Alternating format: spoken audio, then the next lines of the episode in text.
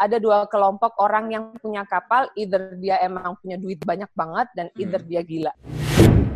18.000 US dollar minimal ya, berarti se- sekali disewa. Ya, sekali trip lima hari. Orang bisnis itu sebenarnya modal utamanya tuh bukan duit kalau kata gua. Tapi Modal utamanya tuh nyali.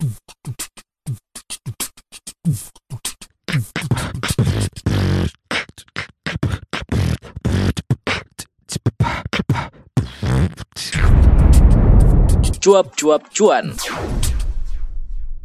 Hai Sobat Cuan, ketemu lagi nih di Cuap Cuap Cuan, podcastnya CNBC Indonesia. Ada gue Alin dan gue punya pasangan baru. Kalau biasanya ada Gusti, ini ada pasangan baru. Alhamdulillah ganteng.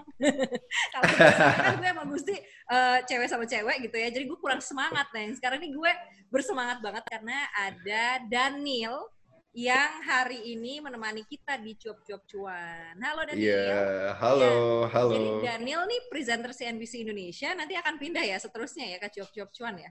Amin. Kalau aku sih ngikut aja. Aku ngikut aja nanti Mbak Alin mau ngarahin ke mana ikut aja. Oke. Ke mana ombak membawa. Ini sesuai dengan tema kita ya. Iya, Soalnya nah, temanya nggak jauh-jauh dari laut ini kayaknya. Bener banget, ini nggak jauh-jauh dari laut dan nggak jauh-jauh dari pariwisata. Jadi kita kedatangan narsum nih seperti biasa Daniel dan narsum kita ini adalah salah satu pengusaha yang bergerak di industri pariwisata yang terkait sama laut tadi kayak yang lo bilang ya Nil ya. Dan uh, kan kita tahu di kondisi kayak gini, di kondisi pandemi ini udah berbulan-bulan uh, orang stay at home gitu ya, atau mungkin sekarang udah mulai lagi ekonomi bergerak kembali. Tapi uh, kalau kita baca-baca, ini industri pariwisata adalah yang paling keras terdampak sama Mm-mm. uh, COVID-19 ini gitu ya Nil ya. Mm-mm. Iya, kita juga sedih ya ngelihat itu uh, mendengarkan bahwa yang paling pertama terdampak justru pariwisata, paling keras terdampak juga pariwisata. Tapi di sisi lain kita juga nyadar bahwa sumber devisa salah satu yang terbesar juga dari pariwisata. Nah ini Pariwisata, betul Mm-mm. banget. Nah ini kita langsung aja lah menyapa udah dari tadi sih sebenarnya. Halo Mbak. Halo semua, apa Halo. kabar? Mbak Rani ini adalah pemilik kura besi, punya kapal juga, terus punya tempat diving juga, resortnya juga gitu. Jadi resort ya berarti ya dibilangnya ya. Gimana nih lengkap Eh, berarti ya. Pokoknya kalau mau happy-happy telepon aku deh. Gampangnya gitu. Gampangnya gitu ya. Enggak, eh, gini, kura Oke. besi, kura besi itu sebenarnya eh, kapal. eh, jadi kita punya kapal pinisi. Mm-mm. Jadi kalau biasanya kita traveling ke Raja Ampat atau ke ke timur ke Labuan Bajo itu kan banyak tuh kapal-kapal kayu gitu kan, kapal-kapal LOB pinisi gitu gitu lah. ya, kayak Yes, gitu. that Hmm. yes, that's LOB. Kita Hmm. operator LOB, kita punya satu boat namanya Kurabesi Explorer Hmm. di Jakarta dan di Manokwari kita punya dive center, Kurabesi Ah. Diving School gitu. Hmm. Itulah dia Tapi kenapa kayaknya lengkap banyak. ini ya kalau kita lihat dari websitenya juga. Hah? Ini Mbak Rani dari kurabesiexplorer.com. Yes. Wow. Servisnya kayaknya lengkap. Jadi kalau Iya. mau tadi bener mau having fun di laut gitu ya, Mbak A to ya. Z-nya ada di sini. kalau tapi kalau udah selengkap gini ya, ini bikin kita Hmm. penasaran nih Mbak Rani. Apalagi apalagi kita ini eh, adalah jiwa-jiwa anak muda yang pengen cuan juga ya di, di bidang apa pun itu apalagi di bisnis ini kita sekarang ngelihat ada bisnis besar yang sudah Mbak Rani jalanin selama ini itu membangunnya itu kayak gimana ya susah nggak sih sebenarnya? Nah, ini menariknya sebenarnya kalau eh, diving itu kan masih dibilang apa eh, olahraga ekstrim ya, aktivitas ekstrim gitu ya. Dan yang, mahal nggak sih, eh, Mbak? Ekstrim dan nah, mahal deh. Mahal tuh Hmm. ntar gue ceritain tuh, panjang Ah, juga oke. tuh cerita soal mahal. tuh. Panjang nih ceritanya kayak ini. Jadi eh, kalau bicara soal diving, apalagi eh, adventure gitu sampai ke luar-luar gitu, emang ini masih baru-baru lima tahun terakhir nih, gitu kan. Kebanyakan memang yang memulai pioneer-pioneer itu eh, bule-bule gitu. Jadi Hmm. no wonder kalau kita ke Manado, kalau kita Hmm. ke ke Selayar, kita ke Raja Ampat juga yang punya resort-resort itu pasti bule gitu. Iya Karena mereka mereka sudah lebih mengenal adventure, lebih mengenal diving, lebih mengenal uh, the beauty of Indonesia daripada kita sendiri gitu Hmm, kan. hmm. Nah, itu itu yang bikin orang-orang tuh kayak agak oh, hah, orang bisnis kapal gitu. Oh, orang bisnis diving gitu. Itu kalau ke sana-sana masih kemarin-kemarin ini baru mau baru mau baru booming ini dua tahun terakhir. Ini mulai banyak orang Hmm, Indonesia bikin ya. kapal. Hmm. Dan orang Indonesia diving itu ya let's say baru lima tahun terakhir lah boomingnya. Sebelum sebelumnya enggak. Mm-mm. Dulu gue mau mulainya ya karena aku main ke laut Hmm. gitu. Jadi Mulainya dari kesukaan dulu gitu ya. mm, mulainya dari kesukaan dulu. Kan eh, nggak kenal maka nggak sayang. Hmm. Jadi Bener emang kalau banget. kita nggak kenal, kita nggak tahu, eh, ya kita nggak nggak nggak nggak peduli gitu kan. Ini udah kenal, udah sayang dan makin cinta, akhirnya lah buka Makin usaha. cinta, akhirnya eh, itulah. Akhirnya pensiun jadi wartawan, Oh my god. terus eh, ambil pensiun dini, terus sekarang jadi pengangguran. Eh, Enggak dong. Karena COVID-19. Ini Ngerjain penganggurannya ini obvious banget ini kayaknya penganggurannya tapi gajinya masuk terus tiap bulan. Mohon maaf. Eh, Pemasukannya jalan salah. terus gitu ya. dulu alhamdulillah ya karena karena belum banyak orang yang main di sini memang eh, ceruk pasarnya di bisnis diving ini dan LOB Hmm. itu masih sangat luas Hmm. LOB LOB yang beroperasi di Hmm. Indonesia itu baru sekitar baru sekitar 400-an lah Mm. 400 itu including kapal yang punya bule juga gitu, sama yang punya orang Ya. Indonesia. Oh, Empat- 400 kapal itu sedikit itu ya berarti ya Mbak ya? 90% itu eh, foreign ownership Oke. yang punya orang Indonesia bisa dihitung lah gitu Hmm. Dan bisa dan kita punya di uh, LOB itu kita punya asosiasi namanya Jangkar Jaringan Mm-mm. Kapal Rekreasi Mm-mm. itu uh, ada 68 boat yang assign di situ yang punya orang Indonesia itu mungkin around 5% only. Oke. semuanya Berarti punya sebenarnya kalau kita mau masuk di bisnis itu tuh peluangnya masih cukup besar dong Masih gitu ya sangat maksudnya. besar, masih sangat besar, cuman memang ini high risk dan uh, high uh, ini ya, high uh, modalnya juga lumayan Gede gitu juga kan. gitu. Nah ini Modalnya gede juga. begitu Mbak Rani bilang eh, high risk dan modalnya juga gede, ini jiwa cuan saya meronta-ronta tiba-tiba. Ayo, Keluarkan pengen ekspresi pengen tanya ini Mbak Rani. Kayak Ya. kalau high risk, oke, risikonya setinggi apa, sesulit apa, dan modalnya itu segede apa sebenarnya? Karena kan Ya. kalau kita mikir cuannya aja di satu bisnis itu kan nggak fair gitu. Jadi Ya. bener kata Mbak Rani harus ngelihat modalnya berapa, risikonya gimana. Ya, eh, kalau resikonya jelas, eh, barang itu di laut, kapal Hmm. kan di laut, dan eh, kita semua yang eh, teman-teman yang eh, udah bikin kapal dan terjun di bis ini Mm-mm. itu eh, ada dua ada dua kelompok orang yang punya kapal, either dia emang punya duit banyak banget dan either Hmm. dia gila. Gitu. Oke. Kalau Mbak Rani berarti yang mana? Itu Menarik berat. ya. Aku yang yang kedua kayaknya. Yang gila ya. Aku yang gila. But you made obviously, it. obvious- obviously. Dan yang kedua, yang eh, yang berikutnya adalah eh, punya kapal itu lebih eh, punya bikin kapal itu susah, tapi lebih susah membuatnya tetap mengapung. Hmm. Nah itu, jadi karena high maintenance juga, eh, apalagi di laut, resikonya juga lebih besar, cuaca dan segala macam environmentnya dia lebih lebih eh, lebih ini ya fragile daripada eh, barang yang di darat land base Iya. gitu kan. Jadi emang eh, banyak hal yang eh, harus dipahami nih dan tapi itu bukan sesuatu yang susah. Itu bukan sesuatu yang Hmm. susah. Bisa Jadi aku dipelajari gitu ya Mbak ya?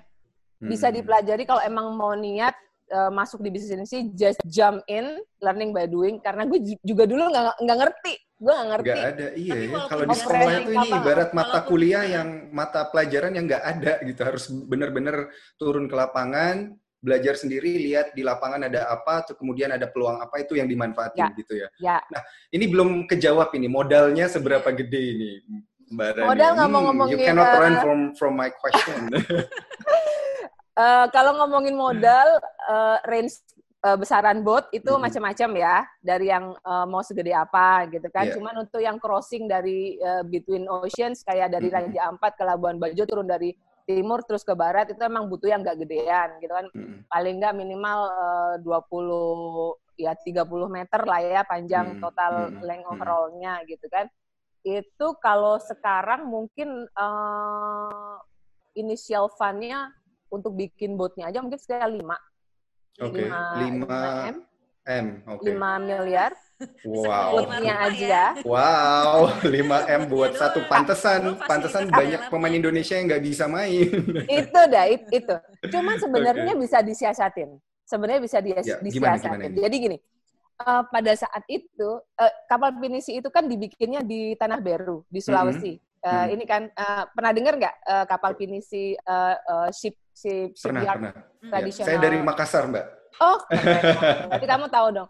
Dan Tahu, kapal tahu. pinisi kan emang dibikinnya di sana gitu kan. Nah di situ itu juga banyak eh, haji-haji si buildernya gitu yang macam-macam. Hmm. Jadi kayak yang kap- eh, kalibernya segini, ada yang segini, ada yang segini, ada yang segini gitu. Hmm. Yang yang tinggi-tinggi itu biasanya kalau kita datang eh, kita mau bikin kapal, dia langsung bilang, oke eh, panjang lunas segini, panjang total segini, berarti 5 M bu, 3 M bu, 2 M bu gitu. Langsung Oh, minta bisa. uang di depan gitu, gitu. heeh. Langsung itu nggak ada sistem depan. cicilan gitu bayarnya, Mbak Rani? Kalau sama mereka nggak ada. Nggak ada, nggak bisa pakai Nah. KPR juga nggak bisa ya. Nah dulu Buset. pengalaman pengalaman aku sama suamiku, jadi Hmm. eh, kita nggak punya duit segedi- segitu banyaknya pada saat itu. Eh, kita ada tabungan sedikit-sedikit kita berdua, tapi eh, memang udahlah. Sebenarnya bikin kapal not necessarily untuk komersil pada saat itu, Mm-mm. karena backgroundku jurnalis, eh, background suamiku environmentalist, jadi Mm-mm. dia memang di social development gitu, dan dia lahir besar di Papua, so dia sangat cinta sekali dengan Papua jadi dan menurut dia dengan eh, apa topo dengan eh, eh, wilayah yang kepulauan kayak gini itu Mm-mm. kalau lu mau ngebangun orang mau ngebangun daerah tuh bukan bukan sekedar lu bangun jalan tapi lu punya kapal so you connecting Hmm. orang-orang yang ada di kepulauan gitu Iya, kalau iya, lu bisa iya. connect you regenerate ekonomi setempat kayak gitu jadi Hmm. jadi awalnya kita bikin bot itu nggak full untuk komersil, tapi juga untuk eh, lebih ada sosial sosial movementnya gitu-gitu. Hmm. Nah, terus akhirnya eh, udah kita kumpul-kumpul, kita ketemu ketemu eh, si builder yang eh, yang mau dicicil. Ah, Akhirnya. Ini kayaknya Yang mau Terima kasih juga ya ada Tuhan karena bisa dicicil ya, lagi. Ada peluangnya. ya? Berapa kali Enggak ini juga cicilannya? Enggak Rani, juga. buset. Nyicilnya bukan nyicil di bukan kayak nyicil di bank, tapi eh, oke Pak, kita punya uang sekian untuk beli kayu. Mm-mm. Jadi within jadi kalau bikin kapal itu ya, kalau duit udah ada di depan, mau Hmm. bikin kapal segede apa pun, duit ada di depan, itu enam Bisa bulan ya? jadi. Hmm. Oh enam my bulan God. doang Iya, iya, jadi. iya, iya. Kapalku 30 meter itu. Wow. mau 30 meter, mau 100 meter, kalau duitnya Ah. ada di Duit depan. ada di- Kapalnya Mbak Rani Ya, ini masalahnya ya, uangnya itu harus ada di-? Kapalku dua tahun. Oke. Hmm. Karena yang aku lakukan adalah, so karena gini, oke kita udah udah mimpi nih, udah mimpi eh, itu satu, kita memang pengen dedicate dedicate sesuatu punya sesuatu yang kita dedicatein ke timur gitu. Kita mau Hmm. ngebangun di timur barat udah banyak lah yang mikirin lah, kita ke timur aja gitu kan. Hmm. Kita suka diving, kita suka laut, jadi apa nih yang kita bisa bisa bikin bisa generate uh, income juga tapi bisa give uh, kasih direct benefit juga buat masyarakat sekitar oke yuk kita kita bikin kapal gitu kan terus akhirnya kita punya uang segini cuman cuma cukup untuk bikin lunas kapal lunas tuh yang di bawah Hmm. tuh Oh, Kayu yang fondasinya bawah. dulu yang di bawahnya ya. Kayu yang di tengah gini Oh, iya iya iya. iya. Dari Struktur lun- tengahnya ya, pilarnya lah ya Yes. kalau kita bilang. yes dari lunas inilah gadingnya ne- na- nempel gini kan ntar Ah. jadinya gini tuh Ah. Nah, Oh. pertama itu yang kita punya adalah kita punya duit untuk beli kayu lunasnya saja Oh my god. Terus inilah yang pelan-pelan dicicil sampai 2 tahun itu ya buat membangun ke Selama- atasnya ini. selama satu tahun yang kita Hmm. tabung bukan uang, yang kita tabung adalah kayu. Kayu. Jadi kita punya duit kita beli kayu, kita punya duit kita beli kayu, pelan-pelan. So it's benar-benar benar-benar wah nangis darah itu, bikin segala macam. Nah, oh terus terus itu membangun cicil kayu gitu kok gimana ya? Kayaknya ini kan Mbak Rani pakainya dana pribadi nih, nggak mau pakai cicilan bank, nggak mau pakai bantuan dari mana-mana, investor kayak gitu kan kalau idenya udah sebesar ini biasanya udah oh yang pasti nyari tertarik gitu investornya. ya, investor Iya. kan. Eh, awalnya awalnya iya awalnya sempat kita pitching pitching Mhm. apa pitching eh, project ini gitu kan karena memang teman-teman suami juga eh, kebanyakan dari eh, dari luar kan dari Mhm. eh, anak-anak NGO gitu kan Mhm.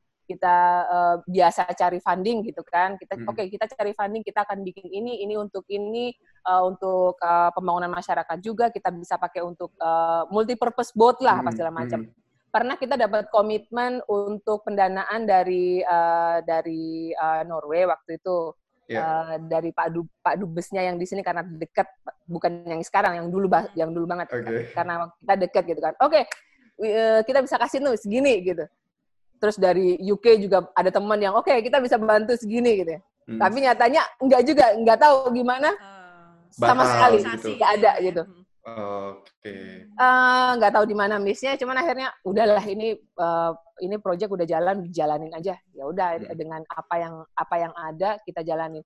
Untuk ke bank terus terang pada saat itu kita belum uh, belum ada keberanian yang untuk itu ya, untuk hmm. untuk karena ini memang high risk dan untuk kapal kayu itu sebenarnya belum bisa diagunkan di di bank gitu. Hmm. Jadi nggak kayak hmm. mobil Eh, nggak uh, kayak iya, benar, aset, nggak kayak liability yang lain yang bisa diagunkan. Kapal kayu tuh belum bisa. Kalau kapal besi udah bisa gitu. Hmm. Jadi ya kebayangkan high risknya sampai bank aja tuh belum mau loh. Belum mau, iya.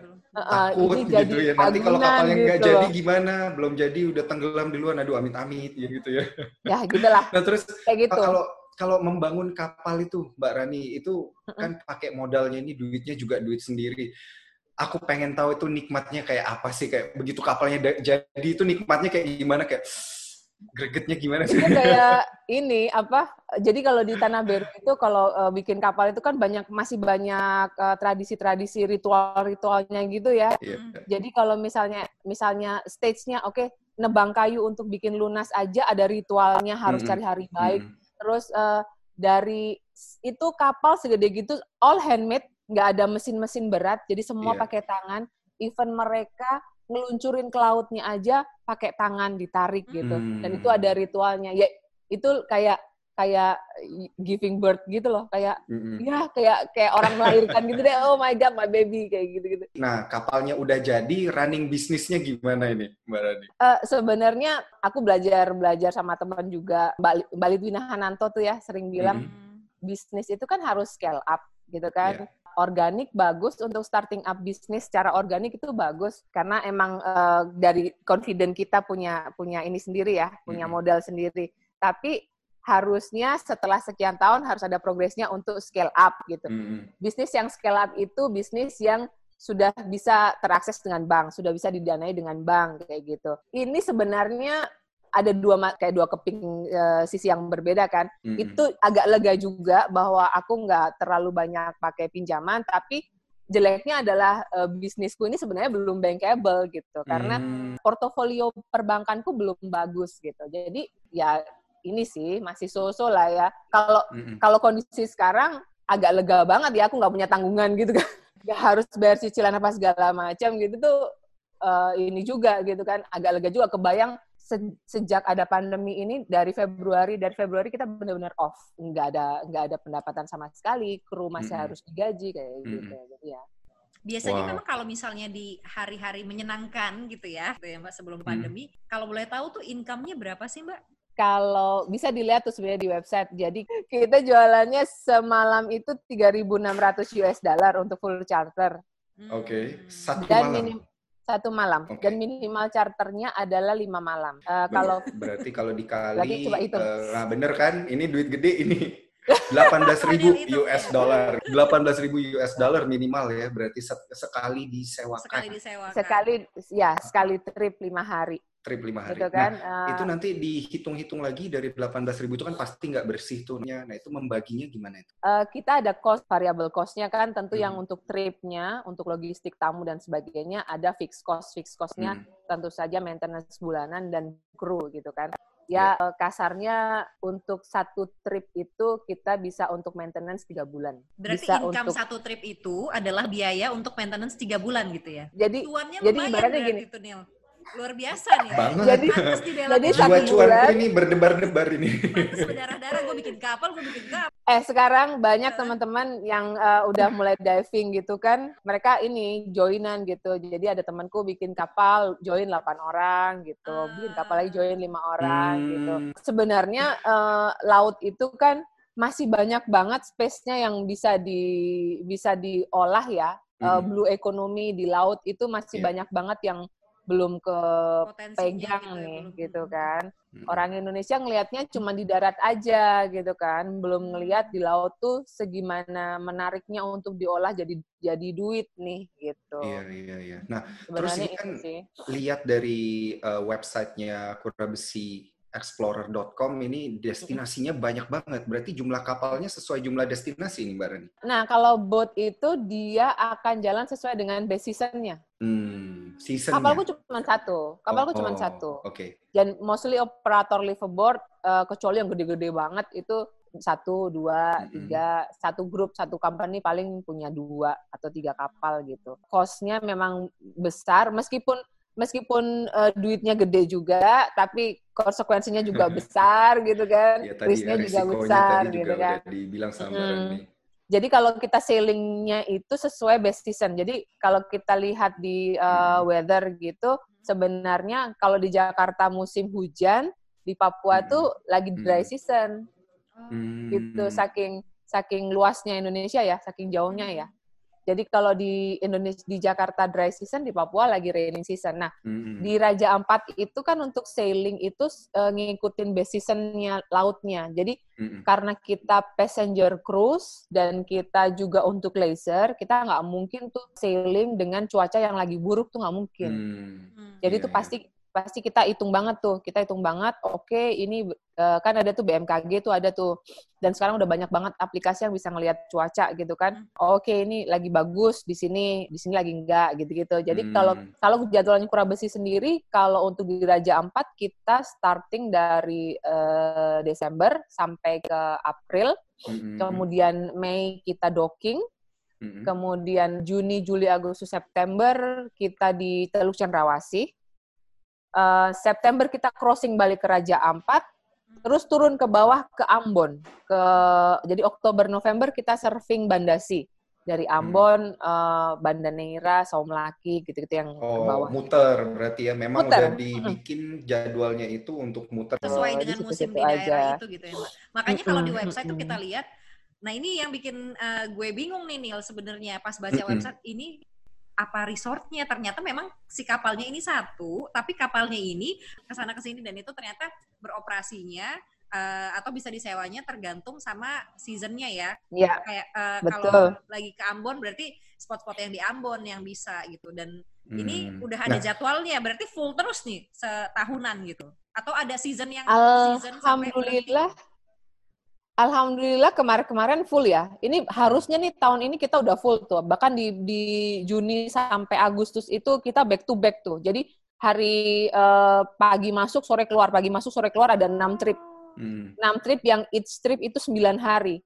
Jadi 9 hari pagi masuk, sore keluar atau pagi masuk besok harus keluar Hmm. lagi. Jadi kita offloading offloadingnya harus ngejar banget itu kan.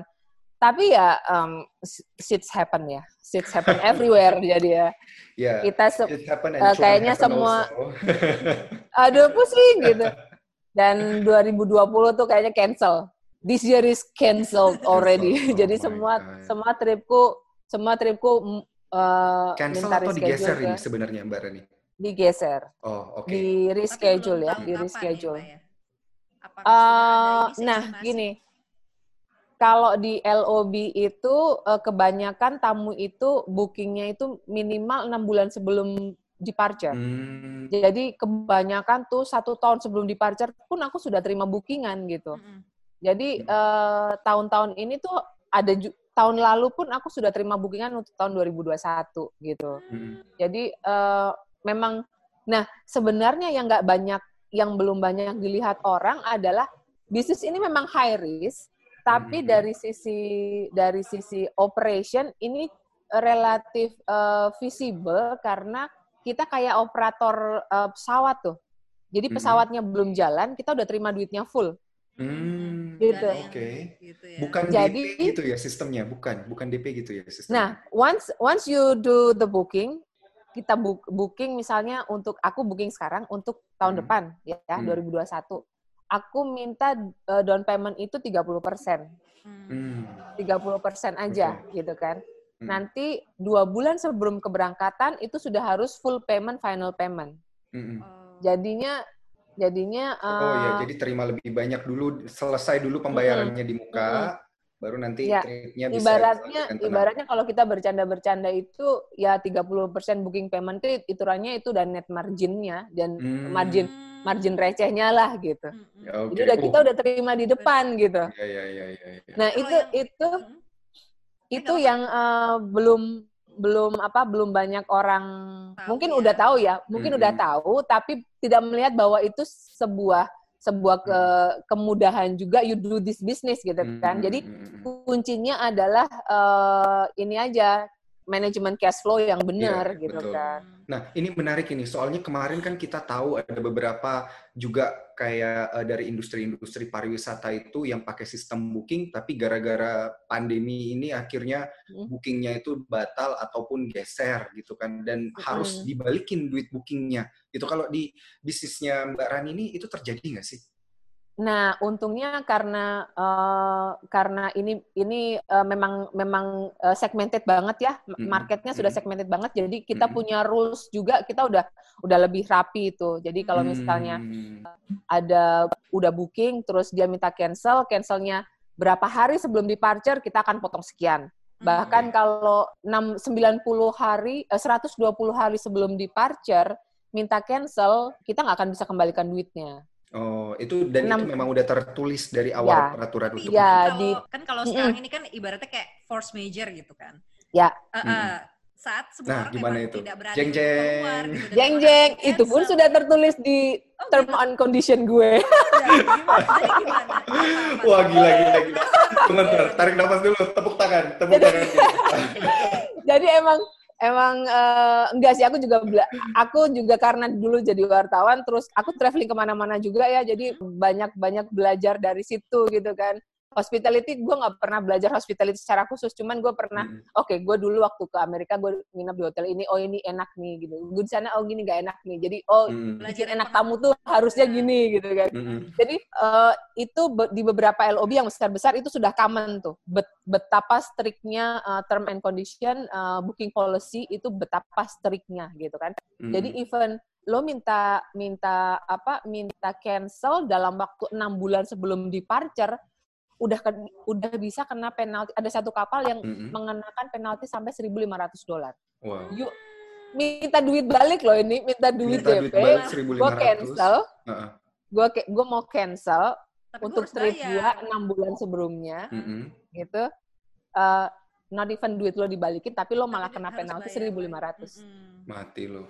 Nah, Nah, tapi ini, ini- mohon ini maaf, juga ini penting. karena- ini yang paling penting safety. Apa ya kita istilahnya bilang eh, safety untuk bisnisnya Mbak Rani sendiri ya juga. Karena nature kan bisnisnya begitu Hmm. karena nature bisnisnya begitu kan kita terima booking di awal memang jauh-jauh hari sebelumnya gitu kan karena memang eh, jarang sekali orang yang akan LOB itu dadakan Hmm. jadi nggak mungkin orang yang akan LOB eh minggu depan kapal lo kosong nggak nggak mungkin tuh nggak bakalan ada dapat Hmm. jangankan minggu depan bulan depan dua bulan depan kapal lo kosong nggak nah itu jarang gitu jadi emang Hmm. nature bisnisnya kayak gitu jadi high risk-nya kemudian em, kapas eh, kebutuhan modalnya yang tinggi juga require eh, strict untuk manajemen bisnisnya sebenarnya gitu. Hmm, ya tapi ini pentingnya. Ini dulu yang harus diketahui. Jadi eh, untuk meme- meminimalisir risikonya aturannya Mm-mm. dulu, aturan keuangannya. Mm-mm. Kemudian ketika masuk ke dalam bisnisnya sendiri supaya lebih cepat cuannya. Nah ini butuh nggak sih kenalan sama asosiasi atau kenalan sama orang-orang wilayah sana dulu? Gimana sih cara memperkenalkan bisnisnya gitu ke klien-klien ini, calon-calon potensial klien ini? Ya, asosiasi itu penting sebenarnya karena kalau di industri pariwisata itu memang kita dimandatkan untuk berasosiasi ya, karena itu Mm-mm. bagian dari eh, jejaring sosial pengaman kita juga kan, eh, safety net kita eh, industri itu sendiri gitu kan. Tapi kalau untuk eh, marketingnya sebenarnya yang penting itu adalah eh, banyak kok sebenarnya pameran-pameran di luar. Jadi Hmm. kayak kayak untuk diving itu, kayak untuk resort, untuk li- laser gitu banyak banget pameran di luar tuh. Jadi kayak misalnya di eh, Indonesia ada tuh Deep Extreme gitu. Hmm. Itu pameran underwater diving diving tuh kayak gitu. Terus eh, di Singapura biasanya habis Indonesia kemudian Singapura. Singapura ada ADEX. Habis Hmm. Singapura kemudian ada eh, ada MIDE di Malaysia, terus kemudian ada di RT di Shanghai, Hmm. Shanghai ada di Beijing, terus uh, kemarin tahun lalu ada di India, sampai di Eropa di uh, WTM World Travel Market, Mm-mm. uh, di uh, Dubai juga ada, di Amerika juga ada DEMA, dive uh, dive apalah gitu pameran. Itu sebenarnya itu dan dan sebetulnya karena ini memang uh, bisnis yang sangat segmented, kita harus bisa uh, harus bisa tahu kita tuh marketnya di mana gitu. Hmm. Kita harus decide di- decide juga kita mau jualan di mana gitu. Mm-mm. Kayak misalnya eh, banyak teman-temanku bilang kurang besi nggak jualan ya di Jakarta nih. Oh jualan kok gitu. Aku jualan di Jakarta, cuman Mhm. mungkin market Jakartanya nggak masih eh, nggak Mhm. nggak nggak masuk di situ Mhm. gitu kan. Target marketnya Mbak Rani juga ini mungkin yang eh, ke orang-orang yang Orang ya begitu juga ke ya, atas yang ke atas ke atas deh kayaknya. eh, eh, Atas yang ke atas gitu ya. Susah kita sih. nggak kelihatan Mbak Rani. Eh, Kurabesi itu sebenarnya yang relatif kecil loh untuk untuk Mhm. kapal LOB dan eh, service kita juga eh, kita nggak bisa bilang luxury, kita nggak Mhm. kita nggak jualan service luxury, Mm-mm. tapi aku lebih lebih bilang my boat uh, boutique style. Jadi Hmm. jadi uh, aku mengedepankan uh, personal touch gitu, uh, personal experience buat tamu-tamuku. Kayak misalnya aku kenalin uh, produk-produk lokal gitu kan. Jadi Iya. Kalau untuk di consumer apa di produk-produk yang dikonsumsi oleh tamu gitu, Mm-mm. aku nggak pakai tuh barang-barang yang aku beli di supermarket gitu nggak, tapi aku pakai Hmm. produk uh, artisan, teman-teman artisan, teman-teman produsen lokal kayak selai gitu. Hmm. Aku nggak pakai selai yang public, yang mass product gitu, tapi aku pakai selai yang teman-teman bikin gitu, kayak Oh, gula, oke. gula Ini juga aku nggak sekaligus gula membantu perekonomian Ini teman-teman juga gitu Yes, ya. itu itu pertama Oke, itu oke. itu itu salah satu eh, salah satu missionnya Kurabesi ya. Kita give Mm-mm. direct benefit gitu kan. Hmm. Nah, jadi itu yang yang aku yang kita besarkan dari Kurabesi adalah tamu mendapatkan personal touch, personal Mm-mm. experience gitu. Mm-mm. You you are not just join uh, live a board trip, diving diving selesai, tapi you you did something juga dengan kita Hmm. gitu. Jadi lo beli beli trip gua itu nggak cuman kita uh, profitnya nggak cuman di saya, tapi profitnya juga kita salurkan ke sini ke sini ke sini gitu. Hmm. Apa Kenikmatannya pasti juga berbeda ya. Ini satisfaction-nya ini on different Kalau di- level. Kalau di beda experience-nya emang beda. Mm-mm. Kalau di Raja Ampat itu kalau dirimu uh, mau ke sana dan uh, mau apa mau land base itu sebenarnya kalau dihitung-hitung totalnya Mm-mm. itu sama dengan pakai LOB. LOB. Hmm, Nah, iya. karena Mending gini. sekalian gitu ya. Nah, di Raja Ampat itu kan uh, places of interest-nya, attraction-nya Iya. nggak cuma di satu pulau. Mm-mm. Jadi misalnya let's say kamu nginepnya di uh, pulau A gitu kan. Mm-mm. terus mau ke Wayak tuh harus ke sana lagi, mau ke sana ke sana lagi, back and forth balik ke situ juga. Habis-habis juga tuh di transportnya, di segala macamnya. jadi, Hmm. Eh, bedanya nggak terlalu jauh gitu loh. Hmm. Dan ini yang belum terla belum cukup familiar di di masyarakat kita ya, bahwa Mhm. LOB itu keunggulannya apa gitu-gitu Mhm. bedanya sama Oh, ini. oke, Yang dilihat cuman harganya doang, oh harganya udah mahal nih Iya. gitu. Padahal kalau dihitung-hitung itu kan udah all in semuanya Iya. Makan Nah. eh, dapat jemputan, eh, fasilitas di kapal semua ada. Aku punya kayak, aku punya snorkeling, gear Mm. semua, eh, beach, barbecue, whatever itu ada semua. Lengkap semuanya. Dan itu Lengkap udah semua, all, bisa all in semuanya. Udah all in, udah all in. Nah, ya Nah, ini betul. kan kita tadi udah ngomongin bagaimana mekanisme bisnisnya, cuannya bagaimana. Nah, sekarang kan Mm-mm. udah dua bulan nih tadi kata Mbak Rani Mm-mm. berhenti total gitu. Nah, total ini dari berarti Februari. bagian bagian Oh, tidak Februari. cuannya ya. Tadi Nah, bagian cuan ini bagian tidak Februari, cuannya. Iya, bener juga ya. Gimana nih? June, berarti Mm-mm. lima dong. Udah mau lima bulan, Mbak. Nah, ini bagaimana Iya. gitu? Iya, survival apakah strateginya Ah, gimana ini gimana? Mbak Rani? Kayaknya- apakah pivoting ataukah gimana nih ngaturnya Ya. jadinya? Ya, kayaknya semua dihadapi oleh semua teman-teman yang uh, main di industri wisata ya. Ini uh, we hit very hard, it's real hard gitu kan. Semuanya nggak cuma yang investnya segede gaban sampai yang kecil-kecil pun berasa gitu. Uh, uh, apa ya tentu saja kita harus segera mengikatkan, mengencangkan ikat pinggang ya. Efisiensi, yang pasti kita harus efisiensi.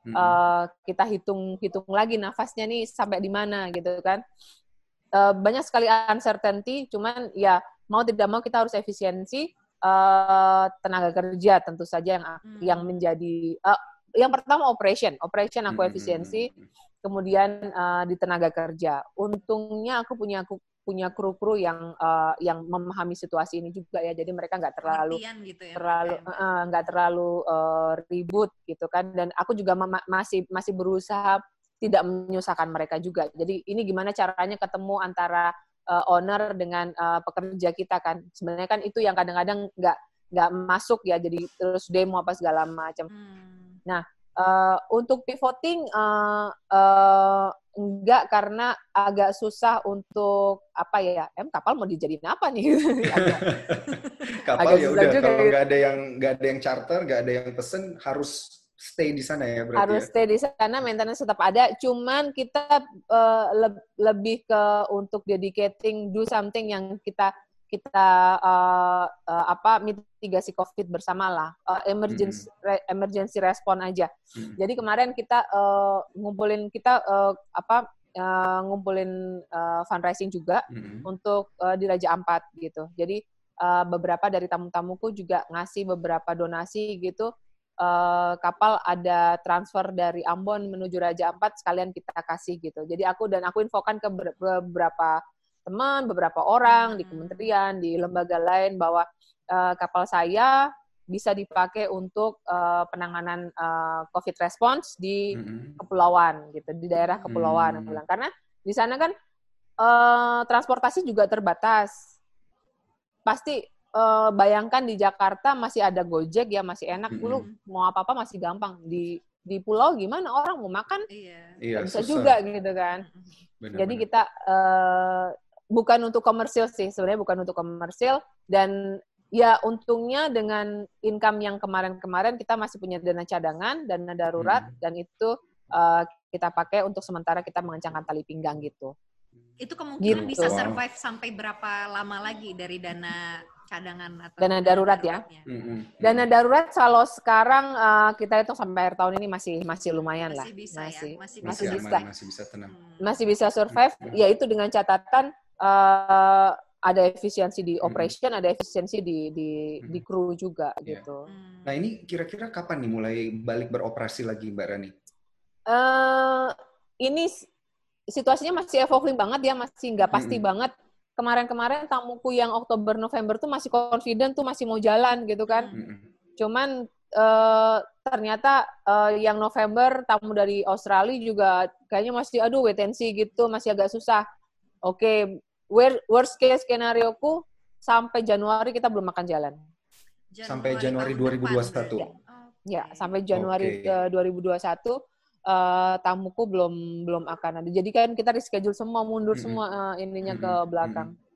Gitu. gitu. Oh, tapi uh, dari keuangannya pun kan tadi seperti Mbak Rani bilang udah diatur sedemikian rupa supaya bisa tahan sepanjang tahun 2020 nggak ya. semakin berdarah-darah lagi. Moga-moga sebelum Januari 2021 udah aman gitu ya. Darah-darahnya sih pasti ada berdarah-darah hmm. dan ke, uh, aku juga juga ini gimana gimana caranya kebetulan kan aku di asosiasi juga kan di asosiasi hmm. kita banyak uh, intens dengan uh, dari kementerian juga. Hmm. Ini sebenarnya situasinya bukan lagi uh, jangan minta kami untuk mengikatkan ikat pinggang lagi. Hmm. Ini sudah sudah sudah tenggelam nih sudah hmm. sudah sudah melambaikan tangan nggak ada yang nolong jadi memang hmm. harus ada intervensi secara finansial memang gitu kan hmm. uh, cuman ya itu di pariwisata ini uh, belum ada belum ada model pembiayaan yang yang yang dedicated untuk di pariwisata hmm. gitu loh. Jadi kalau misalnya di UKM kan ada tuh kur, iya. ada yeah. ini. Sebenarnya di pariwisata juga bisa sih untuk dapat fasilitas hmm. kur gitu kan. Tapi kan nggak nggak nggak seperti di UKM memang dedicated untuk produk dan jas untuk produk uh, barang produk itu bisa dikasih itu gitu kan. Hmm. ya sebenarnya kita lagi ngepush juga nih kalau misalnya uh, apa ada investment untuk tourism gitu loh. Itu itu akan sangat membantu. Karena kalau Pak Presiden bilang tahun depan tourism itu kembali booming tapi pengusahanya nggak di di mm-hmm. apa di nggak di, di encourage juga gak gitu ya dipiara nih sekarang mm-hmm. ini Keburu ya mati juga mati, mereka ya. uh-uh. mm-hmm. kalau udah mati start dari zero lagi ya lama lagi gitu loh Hmm. gitu sebenarnya Ya. kalau di pariwisata tuh parah banget sih kalau kita ngomongin dampak covid di sektor tourism Hmm, iya dari cerita Mbak Rani juga tadi ini kita udah mulai kebayang dari yang indah-indahnya di awal, sekarang ini yang nightmare-nya, ya. bener-bener nightmare buat Iya benar-benar industri nightmare. pariwisata sendiri. Tapi sempat nggak sih Mbak Rani ini uh, udah mulai mikir strategi untuk kickstart-nya lagi nanti seperti apa? Atau ini kayaknya oke bulan Juni juga belum kelar, nanti aja deh mikirnya gitu kickstart Oh enggak, strateginya. eh, enggak, aku udah aku udah eh, udah dari bulan lalu udah mempersiapkan karena kan sebenarnya Hmm. COVID ini kalau aku menangkap dari banyak referensi dari WHO, dari eh, UNWTO, dari CDC, dari mana pun lembaga kesehatan termasuk dari Kemenkes, itu Mm-mm. kan sebenarnya eh, kita harus tahu dulu penyebabnya COVID ini di mana, kemudian eh, penularannya seperti apa gitu kan. Jadi kalau aku pikir sih sesimpel kita self disiplin gitu kan. Kita self disiplin eh, kita pakai masker karena itu dari droplet, kita cuci tangan, hygiene dan sanitasi diperkuat kayak gitu kayak gitu kan. Hmm. Jadi kalau ngelihat eh, melihat dari situ sebenarnya kita sudah sudah bisa mem- memperkirakan kita tuh harus adjust di operation tuh seperti apa gitu kan. Protokolnya Eh, normalnya makan- diterapkan gitu ya, Mbak ya, supaya mm. operasionalnya bisa jalan lagi. Gitu. Ya, protokol kesehatannya tuh seperti apa gitu kan. Makanya kalau lihat di websiteku itu di paling atas itu kita kita udah bisa state bahwa we are liveaboard uh, covid safe liveaboard. Mm-mm. Hmm. Kita nggak bilang covid free ya. Kita Hmm. aku bilang covid Setidaknya ada safe. prevention ya Iya, untuk benar-benar. itu gitu ya. Ada hal baru yang dilakukan. Gitu. Ya, Adaptasinya ada uh, dan makanya itu juga dari dari situ udah ada spesial uh, special information juga bahwa kita udah bikin nih protokol kesehatan khusus di booth saya gitu. Jadi di Hmm. boothku kita udah mitigate uh, protokol kesehatannya seperti apa, nanti tambahan uh, uh, apa penerapan hygienity-nya seperti apa gitu-gitu. Terus jadi kalau ada emergency situasi di dalam kapal apa yang apa yang akan kami lakukan kayak gitu-gitu Hmm. itu penting buat tamu sebenarnya. Itu penting dalam bentuk marketing untuk kita restart ulang. Jadi Mm-mm. Eh, masalahnya di tourism itu kan trust kan. Kita trust nggak nih kalau kita mau pergi ke satu tempat gitu. Kita trust nggak nih kalau kita mau nginep di satu tempat gitu. Ya. Untuk kembali mendapatkan confidence dari pasar Ya. itu mungkin salah satu caranya kayak gitu. Ya. harus reassure si eh, konsumennya gitu ya berarti ya. Ya kita harus kita harus eh, memastikan apa yang kita lakukan. Jadi konsumen Hmm. trust juga lagi sama kita. Oh ya oke, kamu udah ngapain? Ah, Kamu udah gini, kamu udah Hmm. gini gitu-gitu kan. Hmm. Jadi kemarin ketika orang-orang pada ngomongin uh, new normal, PSBB, terus ribut Hmm. protokol kesehatan, uh, Kurawesi sudah punya protokol kesehatan di kapal. Gitu. Hmm. Jadi apa yang harus kita lakukan ketika kita terima tamu, protokol kesehatan buat kru, kita udah punya. Cuman masalahnya wisata itu kan nggak bisa jalan sendiri. Iya. Jadi uh, operator nggak bisa jalan sendiri gitu Mm-mm. kan. Kita bilang kita udah aman, tapi uh, taman nasionalnya masih ditutup, bandaranya masih ditutup, ya sama aja gitu Nggak kan. bisa Tapi anyway, juga, jadi. Heeh, yang penting dari operatornya kita udah siap gitu. Jadi Iya, iya. itu sih yang kita kita kita lakuin dan ya hopefully ini getting better soon ya. Hmm. Nah ini eh, kita udah banyak ngomong juga tentang nightmare-nya. Saya balikin ke yang cuan side-nya ya. Tadi Ya. nightmare, sekarang kita cuan side lagi nih. Banyak Ada- banyak loh sebenarnya. Banyak banget pertanyaannya. Nah, ini ada pertanyaan yang aku lupa tadi. Untung Mm. kelupaan kan, jadinya Mm. bisa dijadiin bahan nih. Balik ke Mm. sana lagi. Mm. Nah ini eh, Mbak Rani bangunnya 2 tahun. Biayanya sekitar 5M. Balik modalnya, nah ini kan lupa tadi. Nah, sampai Udah lupa berapa nanya. Saking excited. Iya. Udah berapa kali lipat sama pertama baliknya berapa lama gitu. Kalau dari hitungan bisnis plan ya, hitungan Iya, bisnis iya. plan itu BEP tiga tahun. Hmm. BEP 3 tahun. Oke. Mm-mm. Eh BEP 3 tahun itu dengan full ini ya, full order dalam setahun itu. Eh, okupansi satu Okupansi, okupansi per bulannya hitungannya eh, 15 hari. Cuma 15 hari per bulan. Ya. Berarti Oh, cuma oke. 6 bulan nih Setengah kita bulan ya, iya. se- setahun cuma 6 bulan Iya. gitu total operasional. Mm, mm, mm, mm. Hitung-hitungan di paper gitu dong, ya. Mbak. Heeh, berarti nggak tiga tahun dong kalau ini fullnya. Berarti satu setengah tahun operasionalnya maksudnya. Makanya, gitu. Hitung-hitungan Setengahnya doang ini ternyata. Makanya tadi tadi kalau aku bilang DP yang 30% itu itu ibarat udah margin margin ininya gitu loh, margin yang bisa kita Hmm, udah nutup dapetin. gitu ya. Iya, margin margin receh mohon maaf tadi sebutnya margin receh. Ini nggak receh ternyata guys, ketahuan. Iya, makanya makanya kalau kalau udah masuk di sini orang kan Oke. karena ngelihatnya memang di awalnya eh, initial fund-nya harus gede gitu loh. Jadi Iya. orang kemudian eh, gini Udah takut jadi duluan mundur gitu, gitu, ya. Iya. kan. Hmm. Padahal sebenarnya banyak banyak hal yang bisa di-create untuk Pertanyaan keduanya tadi Hmm. dari Mbak Alin, udah balik modal berapa kali lipat ini? ini Kalau bagian balik- yang menyenangkan ini. Bagian I yang can menyenangkan. smell money. I can smell money. Eh, balik modalnya gini terus terang ya terus terang Iya. aku tuh masih belajar jadi entrepreneur ya masih belajar masih ba- Gak masih percaya belajar aku ini, bisnis. gak percaya aku. bisnisnya masih masih belajar banget cuman karena kita kita reinvest reinvest lagi ya jadi kita jadi ya ya ada lah bisa diputerin duitnya gitu nah itu dia itu yang diputar itu eh, adakah sudah sekali lipat, dua kali lipat gitu? Lebih, gue rasa sih udah 10 ini. lebih ya mbak. Udah 10 kayaknya. Tapi nggak mau Oke, main. ada lah ya sekitar range segitu ya Mbak Rani ada lah Ah, Ini ada kita ya mau mancing-mancing Mbak Raninya agak susah juga nih kayaknya. Enggak, gue tuh gak bisa bisnis loh sebenarnya. Ah, Gue bohong, tuh gak gak bisa percaya. Enggak, serius. Enggak, tapi gini nih, sebenarnya kalau lo mau tahu gitu ya, se- seberapa Iya. cuannya gitu, atau seberapa Hmm. kali lipat udah eh, menghasilkannya bisnisnya Mbak Rani ini, lo lihat aja Mbak Rani mukanya sekarang tuh gimana, walaupun udah nggak Oh iya. lima bulan ya, tapi dia masih cerah, masih seger gitu kan. Jadi bisa Eh. eh, lancar Oh iya bener bener juga ya. Oke. kalau Eh, sa- salah Lin. Udah udah ini kali, udah stres gitu. Wah mukanya. bener bener bener bener bener. Oh, salah. Mari kita Salah. perhatikan Mbak Rani. Salah. Jadi gini, gue kalau di darat, gue bersih muka gue. Mm-mm.